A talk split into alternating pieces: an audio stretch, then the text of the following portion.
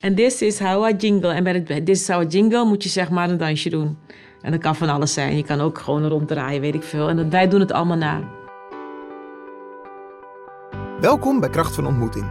Een vierdelige podcastserie over het contact en de relatie tussen wijkbewoners en het Amsterdamse Oude Kindteam, het OKT. In een superdiverse stad als Amsterdam is het niet altijd vanzelfsprekend dat wijkbewoners en professionals van het ouder- en kindteam dezelfde leefwereld delen. Hoe creëer je dan toch een connectie met elkaar? In deze serie volgen we verschillende jeugdprofessionals en de manieren waarmee ze jongeren en hun ouders ontmoeten. En proberen we samen met hen te onderzoeken waarom het zo belangrijk is om te investeren in ontmoeten. In deze vierde aflevering praat reporter Edwin Kleijs met Monique Lansheuvel, oude kindadviseur in de Amsterdamse Bijlmer. Monique vertelt over de training Het begint bij mij.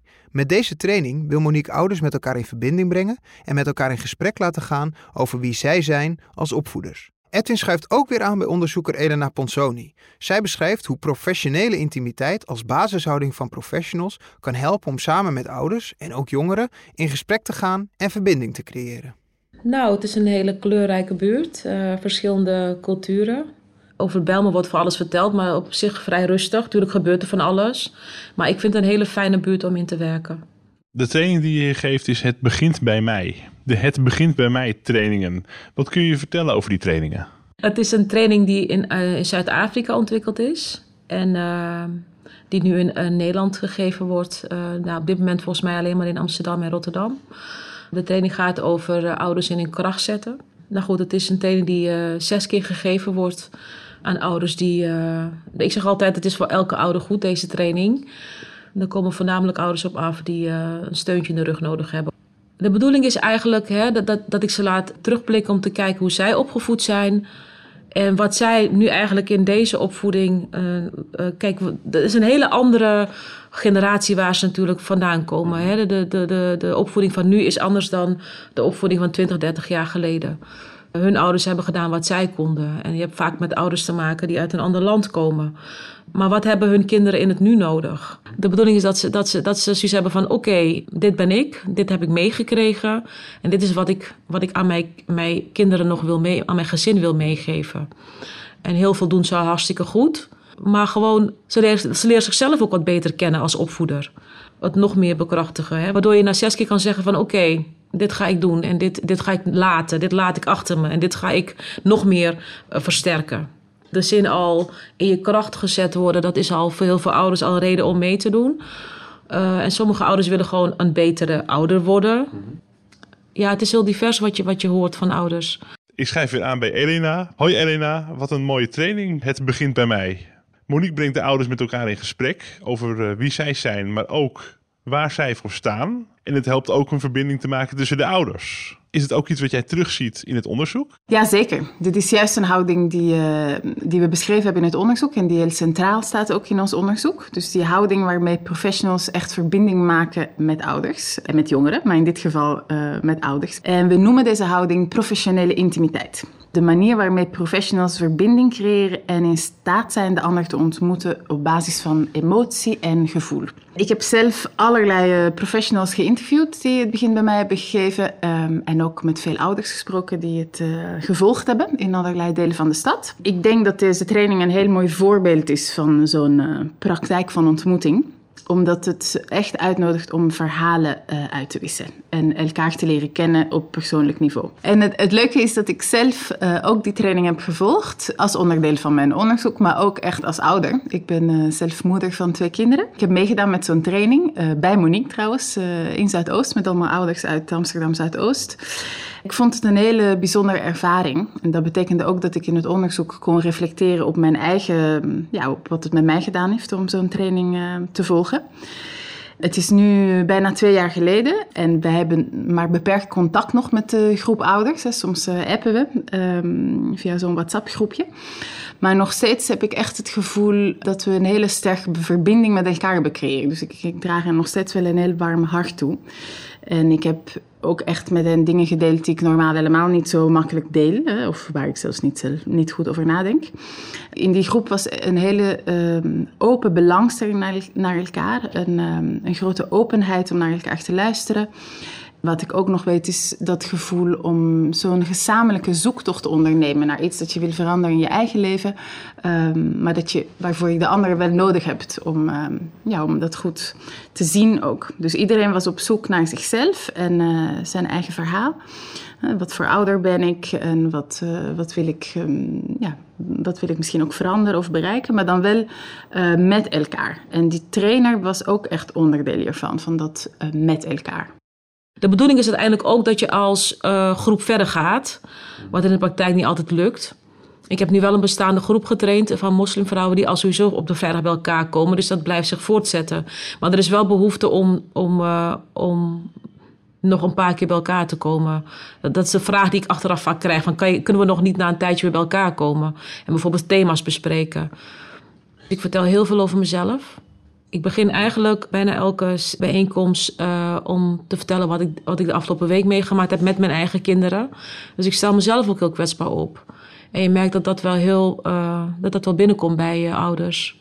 Ook als je als trainer uh, voor een groep staat, dat je op die manier ook je kan opstellen. En ik merk dat dat gewoon heel veel opbrengt. Het zijn gewoon hele persoonlijke dingen die je gaat bespreken. Dus uh, voor mij als trainer is het belangrijk om een veiligheid te scheppen.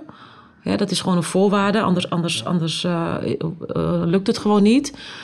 En door over mezelf heel veel te vertellen, inderdaad.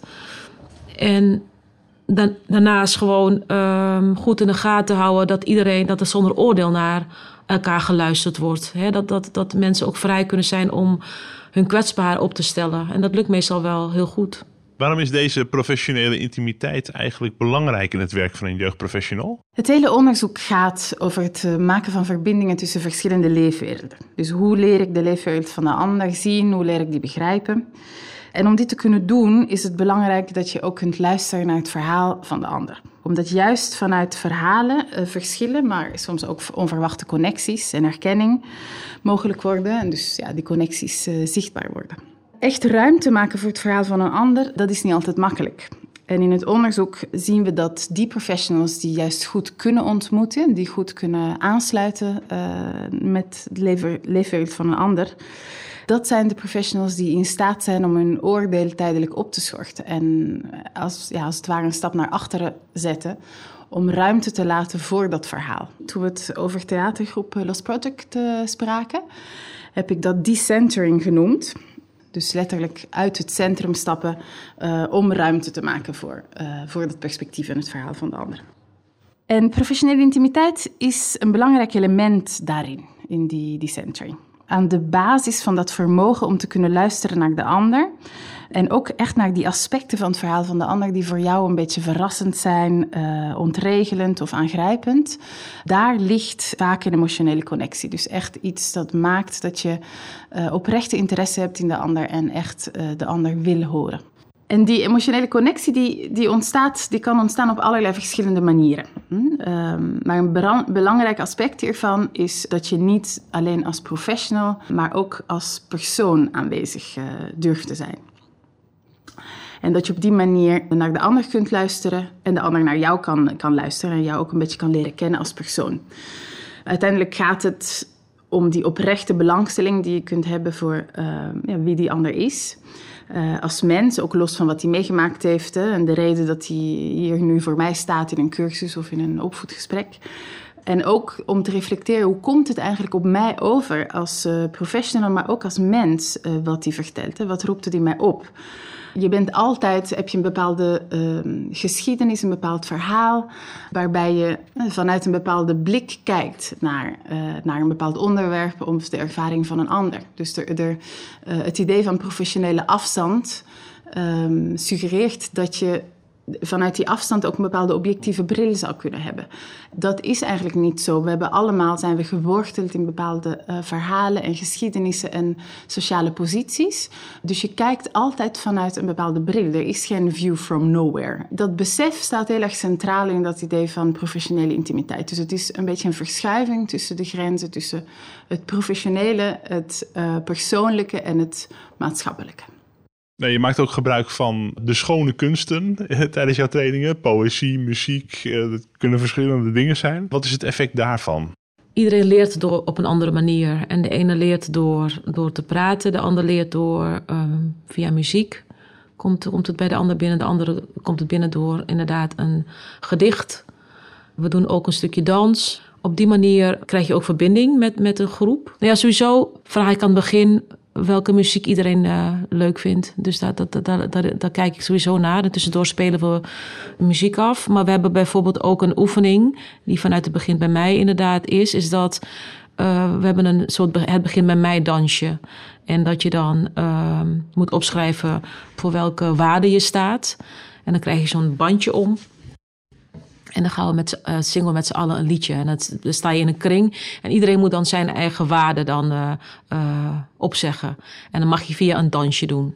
Nou, dat is, ja, ik vind het hartstikke leuk. Ik heb het ook wel eens bij mannen gedaan, maar die vonden dat vreselijk.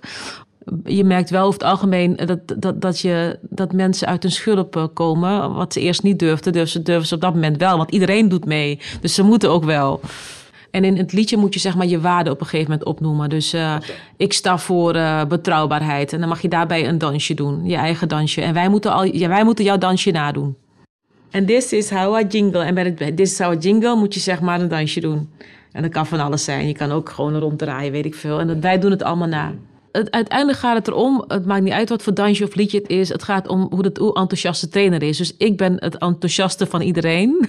Dus dat, uh, weet je. Je moet echt gewoon energie erin gooien. Een beetje gek zelfs. Een gek dansje. En dan zie je vanzelf dat de rest wel komt. Houdt die professionele intimiteit dan alleen maar in dat ik iets over mezelf vertel? Of hoe moet ik dat zien?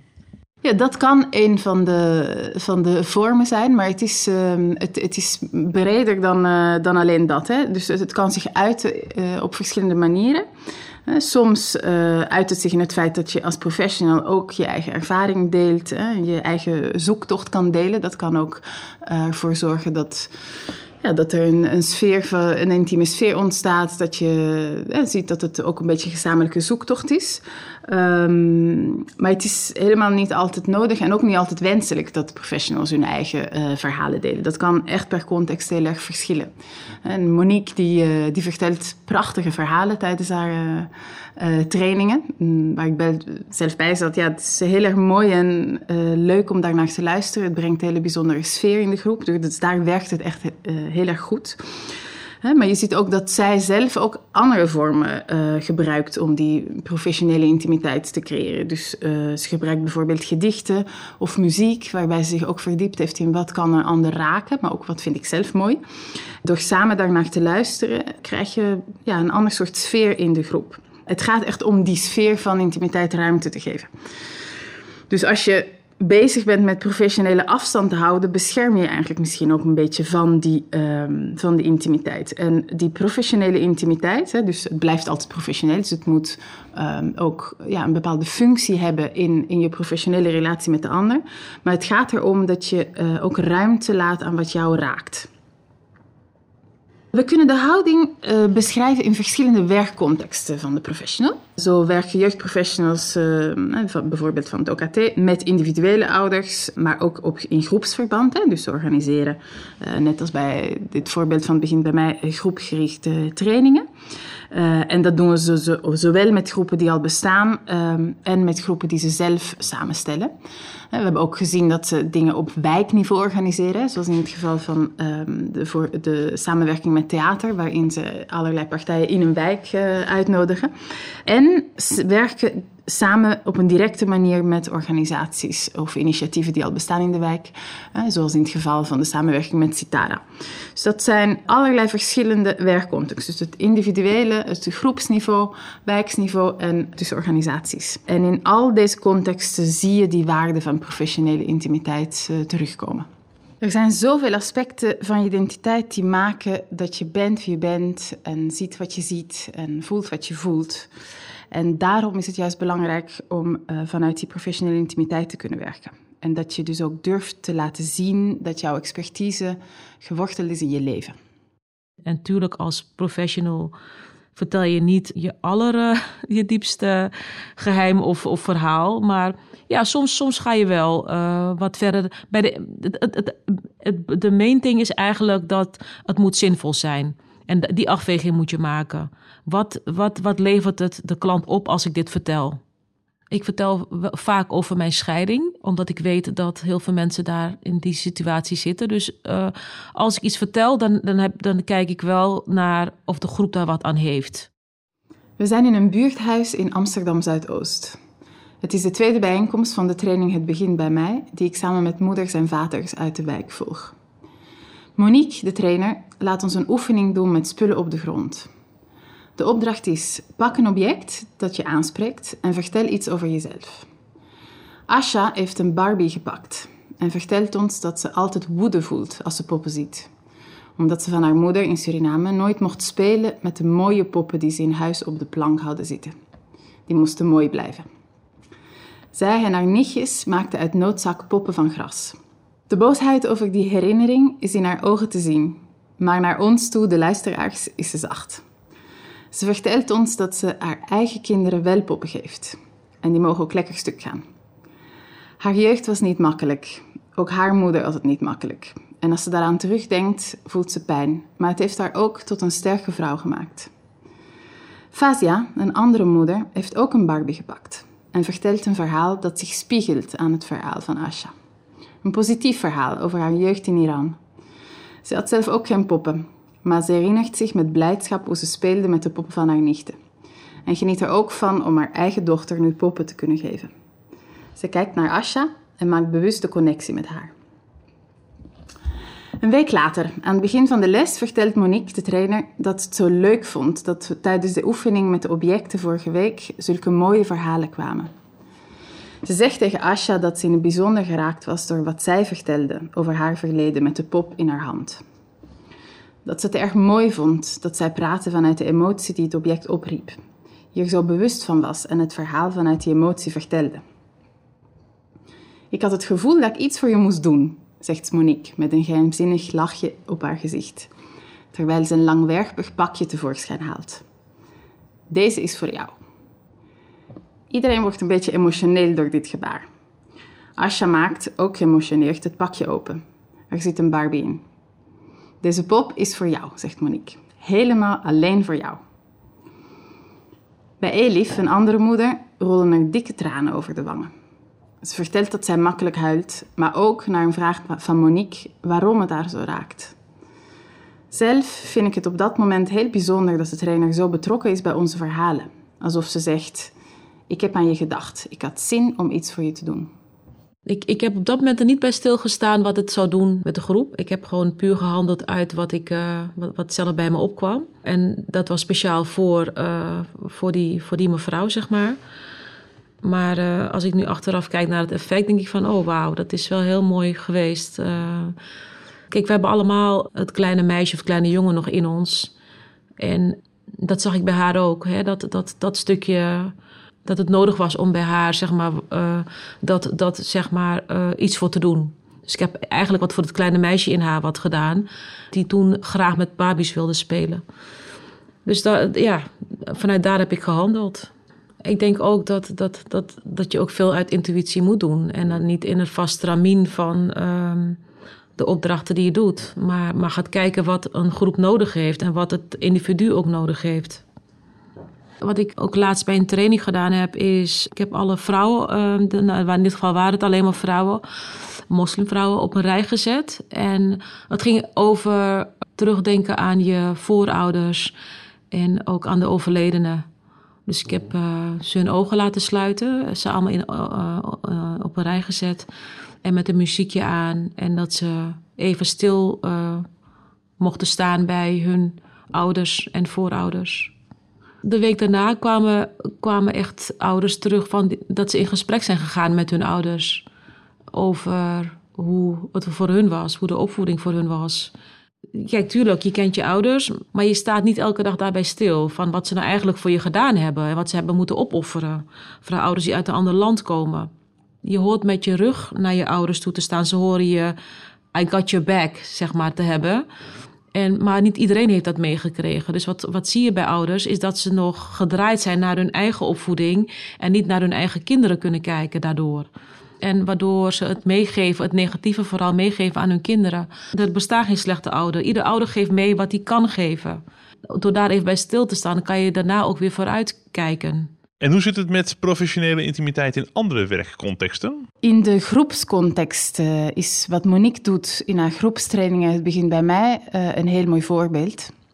Je kunt in zo'n groep echt werken aan het ontstaan van een warme en, uh, en veilige ruimte. De positie die je neemt als professional draait niet alleen maar om het overdragen van kennis, maar ook echt om het, ja, het creëren van zo'n gezamenlijke zoektocht. Dus je zoekt samen naar passende antwoorden. En dat zie je in hoe Monique het, het doet. Zij geeft die training trouwens, in het geval van de training die ik volgde, was het een groep die zij zelf heeft samengesteld van ouders die, nou, toevallig hadden we allemaal een, een migratieachtergrond. En dus konden we ook ja, die, die ervaring heel erg met elkaar delen. Maar zij heeft bijvoorbeeld ook die training gegeven aan bestaande groepen ouders. Hm, en daar ja, daar ontstaat die professionele intimiteit op een heel andere manier. Want die hebben natuurlijk al een, een, bepaalde relatie met elkaar. Die zijn al bezig met een gezamenlijke zoektocht. En dan, ja, als professional word je daar ook een beetje onderdeel van. Maar ik zie ook, ik heb met uh, ouders gesproken die, uh, die niet deelnamen aan onze training, maar die elders de training hebben gevolgd. Bijvoorbeeld ouders in Nieuw-West, die ook die het begin bij mij training hebben gevolgd. En daar viel het mij heel erg op. Dat waren allemaal moeders die ook zelf migrant zijn. En het viel mij heel erg op hoe belangrijk zij die warmte uh, vonden die er in zo'n groep gecreëerd werd. Zij gaven aan heel erg te worstelen met het gevoel het nooit goed te kunnen doen. Niet in de ogen van hun eigen familie en vrienden en ook niet in de ogen van de Nederlandse samenleving, als ouder dus. Vooral de warmte die zo'n professional creëerde in, zo'n, uh, in het begin van mijn training. En het gevoel dat zij met open armen ontvangen werden, zonder oordeel. En dat er echt ja, op een hele persoonlijke manier verbinding gemaakt werd. Um, dat was heel erg helpend, helpend uh, daarin voor hen. In de eerste aflevering zagen we natuurlijk ook hoe Chidem ook met groepen werkt en daar ook heel erg uh, persoonlijk aanwezig is en ook heel erg uh, meebeweegt met, uh, met die groep. En in haar verhaal ja, zie je die professionele intimiteit ook wel heel duidelijk terug. Maar ook toen we het hadden over de samenwerking met, met Lost Project, met theater, zie je hoe belangrijk het is om zo'n gewaagde ruimte te creëren waarin je met elkaar ook wat lastige gesprekken kunt voeren. Waarom, ja, hoe belangrijk het is dat je ja, zo gezamenlijk in een ruimte bent waarin je ook persoonlijk geraakt bent. Hè. In het verhaal van die jongen die we ook horen in die aflevering, hoor je hoe, ja, hoe erg hij geraakt is door wat hij allemaal gehoord heeft in het theater. En dat dat bij hem ook iets losmaakt. De, ja, de bereidheid om allerlei dingen te delen, om, om te praten in zo'n omgeving. Hij zegt normaal spreek ik nooit op bijeenkomsten, maar hier voelde ik me echt geroepen ook om dingen te delen. Dus daar zie je die professionele intimiteit ontstaan op, um, ja, op groeps- of collectief niveau. Het is mooi als er een supportgroep ontstaat. Dus dat mensen ook in het vervolg elkaar blijven steunen en bij elkaar terecht kunnen. Wanneer werkt dat echt? Nou ja, door de ervaring heen merk ik dat het beter werkt bij bestaande groepen. Dus mensen die al, groepen die al één keer per week bij elkaar komen of één keer in twee weken. En door deze training aan te geven, merk je dat ze alleen maar nog hechter worden. Dus uh, dat geef je aan ze mee, dat ze ook bereid zijn om kwetsbare onderwerpen met elkaar te gaan bespreken. Doordat ze dit al met mij meegemaakt hebben in deze samenstelling. Sowieso die, uh, die WhatsApp-groepjes, die zijn er inderdaad. Dus dat, daar zie je ook dat die, ook wat, die groepen ook wat meer met, op elkaar reageren.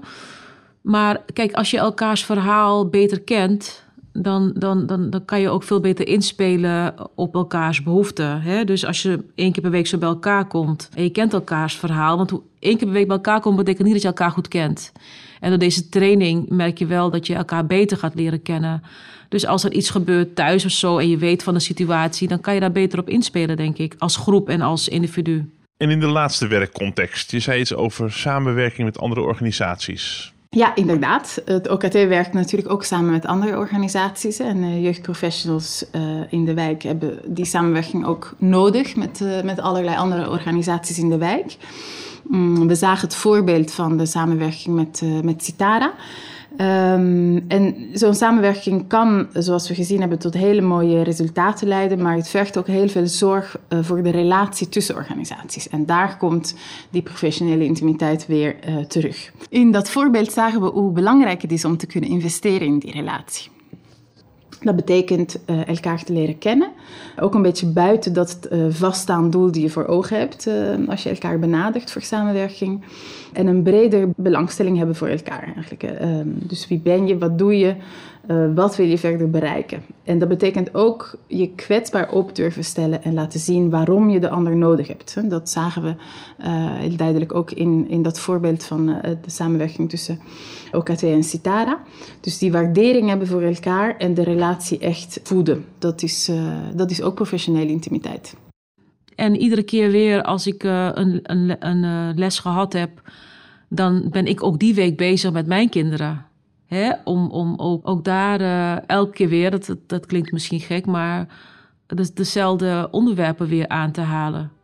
En uh, dat maakt je alleen maar steeds krachtiger als ouder. Dus het is uh, alleen maar mooi. Ik ben denk ik een betere ouder geworden, denk ik wel. Bedankt voor het luisteren naar de vierde en laatste aflevering van de podcastserie Kracht van Ontmoeting. Deze serie werd gemaakt door de Vrije Universiteit, Hogeschool in Holland en het Verwij Jonker Instituut. In samenwerking met het Oude Kindteam in Amsterdam. Er is ook een website, krachtvanontmoeting.nl. Daar vind je meer informatie over de podcast, interessante artikelen en ondersteunende opdrachten voor studenten van de opleidingen Social Work en Pedagogiek. Ook kun je hier als jeugdprofessional meer informatie vinden over de werkwijze van het Oude Kindteam.